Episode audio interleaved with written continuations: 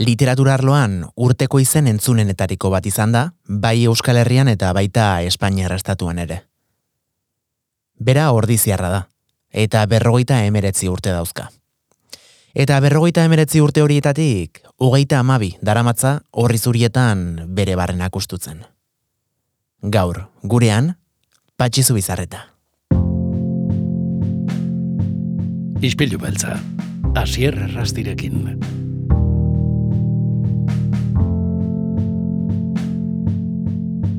Patxi zubizarreta, ongi etorri gure izpilura.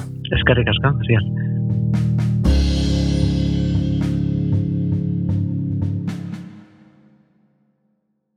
Bueno, lehenik eta behin patxi zorionak, eh? Aurtengo bi sarien gatik, alde batetik Euskadi Literatur sari lortu duzulako, eta beste alde batetik Espainiako Literatur sari nazionala, e, biak zerria liburuaren eskutik.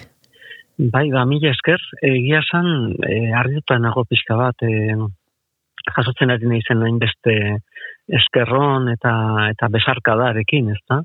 Esango nuke, e, nik nire garaian izan nuen atxagari eman ziotenean, ez da? Lenda bizikoa babakoekin, alako, ez dakit ez, autoestima bultzada bat izan zela, eta hori, bera, sentitzen ari naiz urten poderioz bada ere, ba, bitu, ba, Euskadi saria gurea da, hemengoa da, eta nazionala, Espainiakoa, beste paimai bat dago, oso komplikatua da, lau hizkuntza daudelako tartean, eta orduan, ba, ez dakit, autoestima, mm, ez dakit, gorakada bat izan da niretzat, eta esango nuke, ba, inguruko askorentzat, beraz da, eskerrik asko.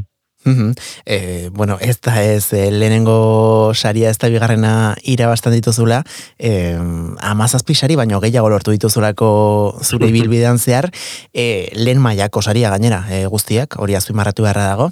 E, gaur egun, mm, hain justu esaten duzunan arira, e, galdetu neko nizuke, nola bizi dituzun sari hoiek, e, hainbeste izan ondoren, e, bueno, normalizazio puntu batera iritsi zara, e, hauek zure bizitzan e, normaltzat e, bueno, ba, jasotzera, ala oraindik ere e, bueno, ba, ematen dizun, ez? Aipatu zuen txute hori?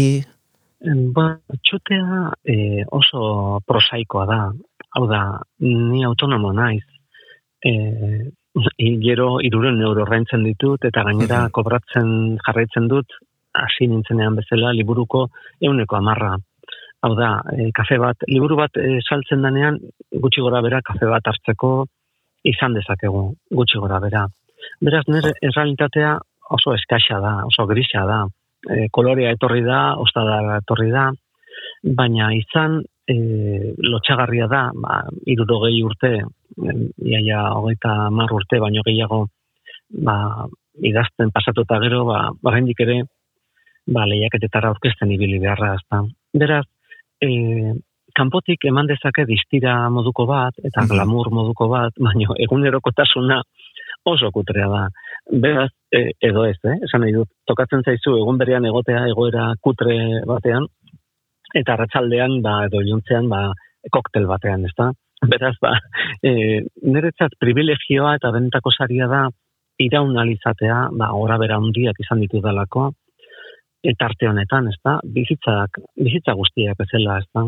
Baina batez ere hori, e, estimatu egiten dut momentu hau, e, gehiagizkoa da, desubikatuta utzi hau, baina zorionez, e, gombidapen bat jasoa nukan lehendik, e, italiara joateko trieste udine ingurura, mhm. eta lau bat egunetan, uste dut, etortzen hasi nintzela nere honera, ez da, egunerokotasunera, ba, goizean librutegira, anitzuli, idatzi pixkatxo bat, artikuloren bat, baina gure artikuluak hogeita ma boste eurotan horreintzen dizkigute. Esan dut hori da realitatea, eta hori da arte izenok aldarrikatzen zuena, ez Bai, artea, oso ondo, baina egunerokotasuna, bat ez ere euskal idazlea dentzat, euskera dugun publiko txiki honentzat, ez da? Baina ni horkoan, eh? eta hortin eta hortara nago. E, hau da, beraz, e, konstiente naiz, e, kanpotik eman dezakela itxura bat, baina barrutik oso bestelakoa da. Mhm, beraz, bueno, sari hauek ere ematen dute aukera, ez? E, zuen errealitate hori plazaratzeko, e, bueno, nola ere ba, duintasun minimo bat eskatzeko ere bai, ez? E, bai, hori da. Idazlentzat. Hori, e, bai, idazlentzat eta argitaletxentzat, ez da, liburua zerria esango nuke era bat e, ahaztuta geratuko zela. Ez baldin bazen, ba, galtzagorri elkartea, edo epaimaikoak, ba, lente bilbao, amaia jaurre egon izan direlako hor, ez da, hor geratuko zen. Baina nola ere sari erreskatatu egiten dituzte liburuak. E, zerria bera, abandonatuta, aparkatuta zegoena, e, alako batean, ba, bigarren edizioan dago, ez da. Alako batean, ba, udaberriarekin, ondo bidean, gazteraino esaterako da porkus izenarekin. Beraz, ba, nik uste dut, e, enegar gutxiago eta eta bizipoz gehiago behar duela kulturak, ez da? E, niko etxarti entzun nion noiz baita, ez da? Rokero zarragi, ez? E, ez dezagun kexa gehiago egin, eta jende erakarriko dugu baldin eta e, irribarre batekin agertzen bagara, ez da? Eszenario da, edo liburura, ez da? Eta alde hortatik, ba, nire partetik eskerrona besterik ez daukat. Eskerrona hemen nagoelako eta eta karabana berean e, sentitzen naizelako ba hainbat hainbat jenderekin, E, hemengo, e, Euskadiko literatursareko epaimaiko kiden iritziz, e, zerrialana gaztei zuzenduriko eleberri laburra dugu, errazkeriatik eta gazte literaturaren topiko tipikoetatik e, aldentzen den literaturazko lan landua. Mm, nola jaso zenuen hau? Jo, ba, bekira, bai Euskadi sarietan, bai e, Espainiakoetan oso harrituta geratu nintzen epaimaikoen eritziarekin e, norberak lan egiten du bere apaltasunean, bere txokoan, ez da? Eta jo, gero alako hitzak entzutea, ze nola ere hitz literarioak ja poema bat ematen dute, ez da? Bai. Baina ala da, ez da? Nik esango nuke, e, lagun baten alabak, aitari esaten zion, e, institutuera joaten hasi zenean, e, utzi egin ziola entzuteari, lehen txikitan, umetan, entzuten zion entzuten zuen ahotsa, ez da. E, kontua da, institutuan hasi zirela lantzen, ba, e, egiturak, e, simbolismoa, metaforak, baliabide literarioak, uh eta berar literatura bizitzen, ba, ez dakite, kompainia goxo bat bezala, ez da. Eta alako batean, ba, institutuan, utzi egin zion, ahots hori entzuteari. Eta nire ustez hori da, landu behar duguna, ez da. Benetan, literaturan daude gaueko hitzak, gure sekretuak daude, gure konderokoa dira azkenean. Eta alako batean penagarria da, ba, ez saltori lehen eskuntzatik institutora egiten den salto horretan, ba, ahots hori ez entzutea. Horregatik nire aldarrikapena beti izan da hori, ez da. Ez dago alderik e, argitaletxetan noski, ba, egiten dira bildumak, eta baino batez ere e, liburuek barruko ahots hori bilatzen dute. Benetan e, partitura bat baliz bezalanik eskuz idazten jarraitzen dut, notak balira bezala nire letrak, eta eta gainera ozenki irakurtzen dut askotan. Beraz, e, konpainia goxo hori e, aldarrikatzen dut oraindik ere, ezta? Pantaiari begira gaude, josiegi gaude, irratiak ere badu hori, ezta? Ni oso irrati zalea naiz. Ahotsaren konpainia hori, ezta? Eta sukaldatzen ari zarenean, afaltzen ari zarenean, e, estimatzen dut. Eta hori aldarrikatzen dut. Eta alde hortatik, ba, epaimaikoen ahots hori ere ba oso estimagarria zait. e, esaldi horretan, epaimai kideke, bueno, azpimarratutako esaldi horretan aipatzen da, mm, bueno, ba, e, gazten e, edo gaztei hobeto esan da zuzenduriko eleberri laburrak e, orokorrean errazkeriatik e, sortuak izaten direla. Mm, sentitzen duzu nola baitere mm, aurretan erabentzako literatura bigarren mailako e, zerbait dela gizarte mailan edo adituen begiradatik? Mm, bai, bai, oraindik ere badu estigma hori, baina esango nuke oro, orokorragoa dela, ezta. Nik esango nuke e, oroar, e, gizartea bera dagoela infantilizatuta, ez da? Ematen mm. dizkiguten, ez dakit, kantuak, letrak, planeta sariak, ez da, dirua bai, baina e, gaueko hitz, benetako sekretu hitz gutxi. Beraz, nik uste dut, e, exigentzia maila bera jarri behar dugula, idazten dugunean aurrentzat, e, gaztentzat edo helduentzat. Liburu hau, esango nuke normal-normal atera zitekela helduentzako bilduma batean, Baina garai batean ere, e, ni gipuzkoarra naiz, eh, naiz eta gazte izen bizi naizen, eta Jose Arratibel ezagutzeko sortea izan nuen, ez da, ataungoa, kontu kontalaria, bere urtzaroan, ipuña jaso zituen bere familian, barako lanetan, ataunen, ergone auzoan eta orduan ez egon berizketarik. E, intzuten zituzten ipuñak, antzeuden, aurrak, nerabeak, gazteak, zaharrak, helduak, eta nire ustez denok behar dugu, e, denok dugu metafora baten premia, ez da? Eta zerria hori da. Zerriak azkenean deskribatzen dugu gure mundua. Hau da, e, gizartea pantaiari begira dago, azkarregi doa, azelera gailua oso zapalduta, eta des, despoetizatu egin dugu, ez da? Poesia fantazaio. Eta poesia badago begiratzen jakinezkero.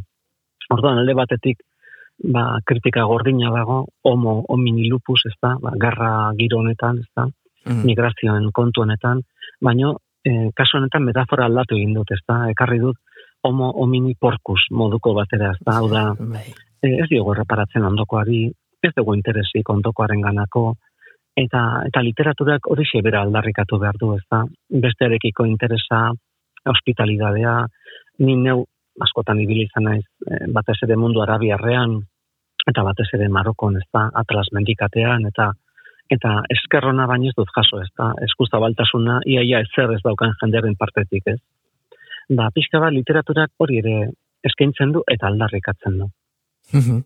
e, patxe goztatuko litzeak, jakitea, bueno, lehen aipatu duzu, hogeita urte baino gehiago mm. daramazkizula literatur munduan, e, kasu bai. honetan, e, nik kalkulatu izan dut duela hogeita amabi urte e, mm. publikatu zen zure lehenengo eleberri ura, e, mentxa bai, bai. izena, e, ametxetako mutila. Bai, Jose, edo, ametxetako mutila, bai, bai, hor daude. E, bai, bai, prehistorikoa dira, bai, bai, bai. Zerke bultzatu zuen, gara hartan e, patxizu bizarreta, e, mundu ontan murgiltzera? Ba, begira, segurasko batetik pantaiarik ez izateak, ez da? E, gurean oso ondo gogoratzen dut, e, telebista, txuribeltzeko telebista noiz ekarri zuten, ez da? Eta aldiz, ba, beti, behar bada horregatik, ba, beti amaren historioak, gerrako historioak, e, horregon da, memoriarekiko alako atxekimendu bat, ez da? E, oso jende, ez dakit nola esan, ez dituzten egin e, karrera universitarioak, baina oso jende zina deskubritu dut, ez da, nire bizitzan, jende dotorea, nahiz eta askotan analfabetoa izan, eta bereziki euskararen kasuan. Eta ni neu izan nintzen analfabetoa euskararen kasuan, ez da, ba, e, alako baten universidadean, donostian hasi nintzenean, euskal filologian, e, era bat, e, aztuta naukan, e, nire e, izkuntza, ez da, nire ama izkuntza, nire itonak, itzekin gazteroniaz, eta nik alako batean, ba, ez nekin euskeraz ez da. Beraz, horrek eman zidan, alako romantizismo puntu bat izango da, baina bizitzeko arrazoi bat, eta pizgarri bat. Eta alako batean, ba, nire diarioak idaztetik pasatu nintzen, batez ere Juan Mari digoien idazlea ezagutu eta gero, aneute zen, modomearen parean, pasatu nintzen, ba, ipuñak idazten astera, edo, eta poliki-poliki konturatu nintzen, ba, irakasle lana, irakasle izan nintzelako kanbon iparraldean, e, oso delikatua dela eta ez nintzela gai horretarako, batez ere burua ez nuenean horrezta. Eta hasi, hasi nintzen oso modu inkonstientean, eta ba, denbora guzti honetan, ba, e, gora berak izan ditut, e, sariak etorri dira, baina batez ere nabarmenduko nituzke jaso ez ditudan sariak, askoz gehiago izan dira. Hoiek ez dira interneten agertzen, baina denei esker egiten dugu aurrera eta modua bizitza e, transmititzeko modua era bat aldatu da, baina oroar jarretzen dugu ahots horren bila, babes horren bila, e, literaturak ez digu esaten nola sendatzen, nola sendatu gaitezken, esaten digu zer daukagun, ez da. Eta nik uste gaur egun ba, hori importantea dela. Eta metafora bat, era berean, lanpara txiki bat, ba, aurrera egin dezagun, e, sekretuen barruko itzen bila, ez da, txorakeriari gabe eta itxurakeriari gabe, ba gaur egun, ba, ez da, nagusi diren bi bizpide horietatik urruti. eta mm, polita ez, orain, bueno, ba, iru amarkada igar ondoren, e, atzera begiratuz gero, mm, distantziatik nola, nola sentitzen duzu, nola bizi duzu e, zure ibilbide literario hau? Ba, begira, e, aurrekoan egon nintzen iruñan, kondestable jauregian, ikastaro batean, idazketa da, e, taller batean. Eta adiketa bat zen, e, jende gaztea zen, eta idaztea beren buruari e, irurogei urterekin gutun bat jasoko luketen gutun hori, ezta? Baina norberak bere buruari idatzitakoa. Uste hori importantea dela. E, azkenean, e, literaturan identifikatzen gara edo ez protagonista batzuekin, baina berak egin behar du bere, bere bidea. Nik egin dut nerea, gora bera askorekin, e, jarraitzen dut eskuz idazten, jarraitzen dut poliki idazten, naiz eta gero ordenagailuan oso azkar idazten dudan, baina e, sentitzen dut behar premia berbera. Mm, gizakia gara eta Jose Ratibelen ipuñak entzuten dituenean, berari, edo kontuzarrak liburuan irakurtzen dizkionean, ikusten nuen Alibaba kontatzen dela ataunen lapurren leizea ipuinean, abrite portaz esaten dute Alibabak e, abrite sesamo esaten zuen momentuan. Hau da, e, garaiak aldatu dira, e, espazioak aldatu dira, baina irakurtzen dugunean sakonki ikusten dugu ba, Marokon, Marraketxen, edo Kairon, edo, edo Gazteizen berdintxu e, sentitzen dugula. Are gehiago, ez? Mundu horrekin lotuta, ordizian nire jaiotarrian lenperia esaten zitzaion, orain azoka esaten zaio, jendeak uste du hitza euskaldunagoa dela, baino peria latineti dator, feriatik, eta azoka hitza arabirati dator, zuk zokotik. Zta. Beraz, e, azkenean, e, aldatu dira garaiak, baina baina hor gaude. E, egoera beretsuan gaude naiz eta e, mundua, ez dakit gure, ez dakit inteligentzia artifizialaren bitartez eta era bat aldatzen ari zaigun. E, hori, bazetorren, bazetorren, baina ez dira, barru barruan gaude, eta hor aldarrikatu behar dugu berriro ere, ba, e, ipuñaren, metaforaren, poesiaren e, ezin bestekotasuna. E, frei, e, no da, e, Black Friday baino askoz importanteagoa da, ba, gozotasun hori. Ba bai, dudari gabe. Eta ez dakite hogeita mar urteren ostean, e, eskuartean, ba, garai hartako, ez, e, laurogeita margarren bai. amarkadako liburuak hartzean, identifikaturik sentitzen zaren, bertan transmititzen zenituen ideia guzti hoiekin, e, ala, bueno, mm, artista asko esaten dute, ba, gian mm. atzean utzi dituzten obra batzuk direla, eta bai, beraien parte bai. direla, baina gaur egun ez dituztela eurena sentitzen, zuk nola bizi dituzu guzti horiek? Bai, egia da, hori bizitzan dut, ba, nire lagun marraskilari batzuekin bereziki, ez dira identifikatzen, ni batez ere ez naiz identifikatzen nire hasierako ba, bi hiru nobelekin, ez da? Ba, oso gaztean nintzen, arroan nintzen, arroa esan nahi dut modu apalean, bai. posible badin balda esatea, erakutsi nahi nuelako zen bandekien, ez da, euskera galdu, euskera berreskuratu, eta horren erakutsi nahi nuen, ba, nire dekurketak nolako aztiren zen bandekien alegia, ez da. Eta behar bada adinak hori ematen dizu. Sinpletasunaren magia edo, ez da, e, mila idazlea osa maite dut, eta berak esaten du, liburua egazkin baten parekoa dela, ez da, bazoaz, bazoaz, ez da, joan, joan, beti joan, baina ez dugu entzuten motorra. Ezta? Eta barruan sekulako makineria dago. Nik uste dut hor dagoela gure koska, ez da? Ba, bidei, bat, e, bidei batean sentiaraztea irakurlea, eta e, baino jakin gabe barruan zer dagoan, ez da? Zenbat mhm. lan egin dugun e, sinonimoak bilatzen, sinonimoak kentzen, batez ere kentzen, ez da?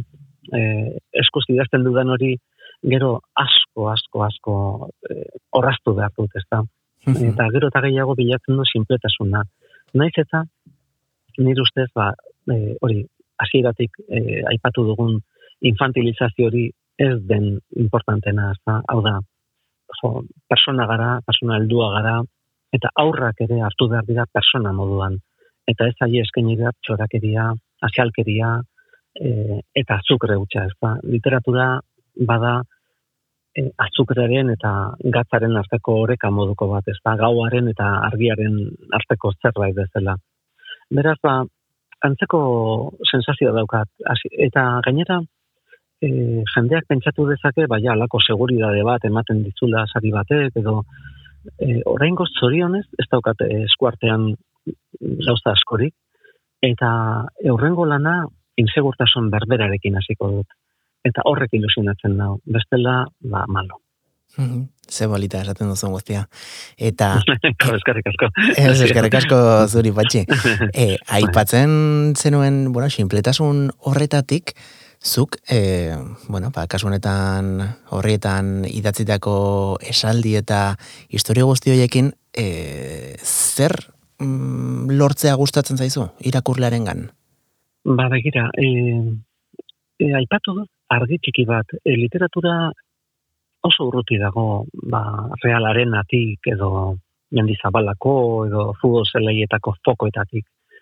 E, mundu arabiarrak nire lenda biziko novela hortik sortu zen marraketxetik, eta aitak erean egin zuen soldauska, mm. Afrikan, eta horrek asko aldatu ninduen. Esango nuke oroar, e, gure literatura mendebaldean oso lotuta dagoela arzoiarekin. Hau da, e, deskartez, ba, pentsatzen dut beraz banaiz. Eta gaur egun esango nuke nik hortik e, egin nuela aurrera, baina pentsatzen dudala gehiago, sentitzen dut beraz ba naiz, e, amesten dut beraz ba naiz. E, orduan, urruti sentitzen naiz, hasierako obretatik, batez ere hori arrokeria horretatik, ez da, baina jarretzen dut bilatzen e, sensualidade hori, zentzumenen kontu hori, ahots hori, ez da, e, benetan iaia ukitu daiteken zerbait. Horregatik jarraitzen dut irakurtzen baita ere, idazten jarraitzen dut paperean, eta idazten jarraitzen eta irakurtzen jarraitzen du paperean, ez da, azpimarratzen, ikasten, iaia ba, hasi nintzenean bezala, ez da, naiz eta e, egutegiak, e, besterik esat, egutegiak eta izpiloak besterik esaten didaten. e, e, patxi, e, orain, bueno, ba, hogeita mabi urte atzera egiterik bageno, zein litzateke e, gaur egungo ikuspegitik e, idazten hasi berri zen patxi zuizarretari, emango zenizkioken aholkuak? Nik uste, eta batez ere, nire bizitza propioan alasi aplikatzen dudalako, e, literatura, literatura goa da, hau da, emozioa, emozioa goa da, elkartzen garenean musikariak, e, pintoreak, dantzariak, antzesleak, e, izan e, erzitaldi batean, izan pelikula batean, izan e, antzerki batean, ni emozionatu egiten naiz, bako zerra zenperen azten zaidanean, pianoa jotzen estenategi berean, ez da, e, oi ateratzen zait, edo John Baldarderekin, ez da. Hmm. E, beraz, esango nuke, ba, hori bera transmitituko auke, transmititzeko aukera dutela gaur egungo sortzaileek, ez da, batez ere gazte e, nik eskusi dazten jarretzen dut, baina haiek mobila dute, e, gure atzamarren zabalkundea ikaragarria da, e, prehistorikoa sentitzen naiz, pleistozenikoa sentitzen naiz, baina irekita nago, gaur egungo moduetara. Eta nik uste hori baliatu beharko luketela e, transmititzeko, ba, momentu batean poema bat idatzi beharrean, audio bat zure mobilean, gero norbaiti pasatzeko, ez dakit, e, batzutan gogoratzen naiz Juan Cruzik erabideren poema batekin, ez da? E, mundua laburtzen duelako, ez? Esaten du, askotan, kanpora joaten izenean bereziki, euskeraz errazitatzen diet eta azalpena beste hizkuntzaren batean eman. Eta oso xumea da, eta esaten du, penak elefanteak dira, eta bizkarrera igotzen zaizkizu. Tozak zaldiak dira, eta oinei eragiten diete. Amodioa inurriak dira, eta gorputz osora zabaltzen zaizkizu. Nik uste, ba, ez dagoela hobeto azaltzerik mundua zer dan, ez da? Teleberria jartzen dugunean edo albistegiak entzuten ditugunean elefanteak sentitzen ditugu. Baina saldiak bilatu darritugu eta inurriak. Eta poema hau adibidez izan daiteke gaur egun, ba, ez dakit, WhatsApp talde batean, ba, urte berria opatzeko aukera, ez da? Liburu batetik datorrena, eta modu desberdin batean edo YouTubeko bideo batean. Hau da, e, hogeita, eta hogeita laurako opa dizkizut, elefante gutxi eta batez ere zaldi eta inurri asko, ez da. E, hortarako ustez dago literatura, e, sostengu, sostengu bat bezalakoa delako. Jo, patxi, mm, ba esaldi horrekin geratzen gara. E, eskerri, eskerrik Bai. asko benetan, eh? Gurera gerturatzeagatik. Eta, jo, espero dugu, bueno, ba, bideo honetan jarraitzea, behintzat e, zu betetzen zaituen, e, bueno, ba, lan zoragarri honekin segitzea, zure bihotzak di esaten dizunari jarraitzea, eta Hori da, hori da. eta ez dakite Durango koazokan ikusteko aukera izango dugun, patxi, ala... Bai, bai, bai. Ez naiz oso zalea, ze gure lana askoz ere, ez dakit ez, bazterrekoa da, edo etxezulokoa da, baina importantea da hori ere, ez da. E, bizipoz hori konpartitzea irakurlearekin, e, idazleekin, sortzaileekin, ez da, Mhm. gero eta zorionez oso maila honeko idazle eta sortzaile asko dauzkagu, emakumezkoak gero eta gehiago, gure garaian etzegoena, beraz, ba, nik uste izan behar dugula, ba, bizipoza bilatzeko aukera eta durango hori baino ez da, ez da abaniko handi bada, kolore, sentimentu, emozio askoren topalekua, eta aurten derrigorrez, egongo naiz nire e, lumekin, nire kolorekin, ba, norbait aurbiltzen baldin bada, ba, dedikatzeko gogotxo. Jo, ba, patxi zubizarreta, eskerrik asko eta laizter arte. Eskarrik asko zuri, haziaz.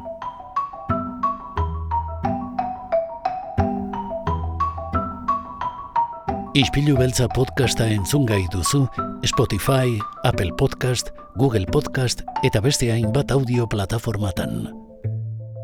Ba, tira entzule, eskerrik asko, gaurkoan ere gurekin bat egiteagatik. Atzo Sara Zozaia izan genuen gurekin, gaur patxi zubizarreta, eta bihar ere Durangoko azokan protagonista izango den musika talde horietako bat izango da gurean. Donostiarrak dira, Mm, ez dut beraien izena zein den esango, baina pista bat emango dizuet. Lore eta laban da e, beraien azken albuma, bueno, azkena, mm, baina baita ere lehenengoa, eta hause da, diska hortako kantu bat. Mm, kantuanen izena, taldearen izena da. Bihar entzungo gara hemen, Donostia Kultura Irratian, edo zure podcast plataforma kutxunenean. Ordura arte, txintxoak izan. Agur!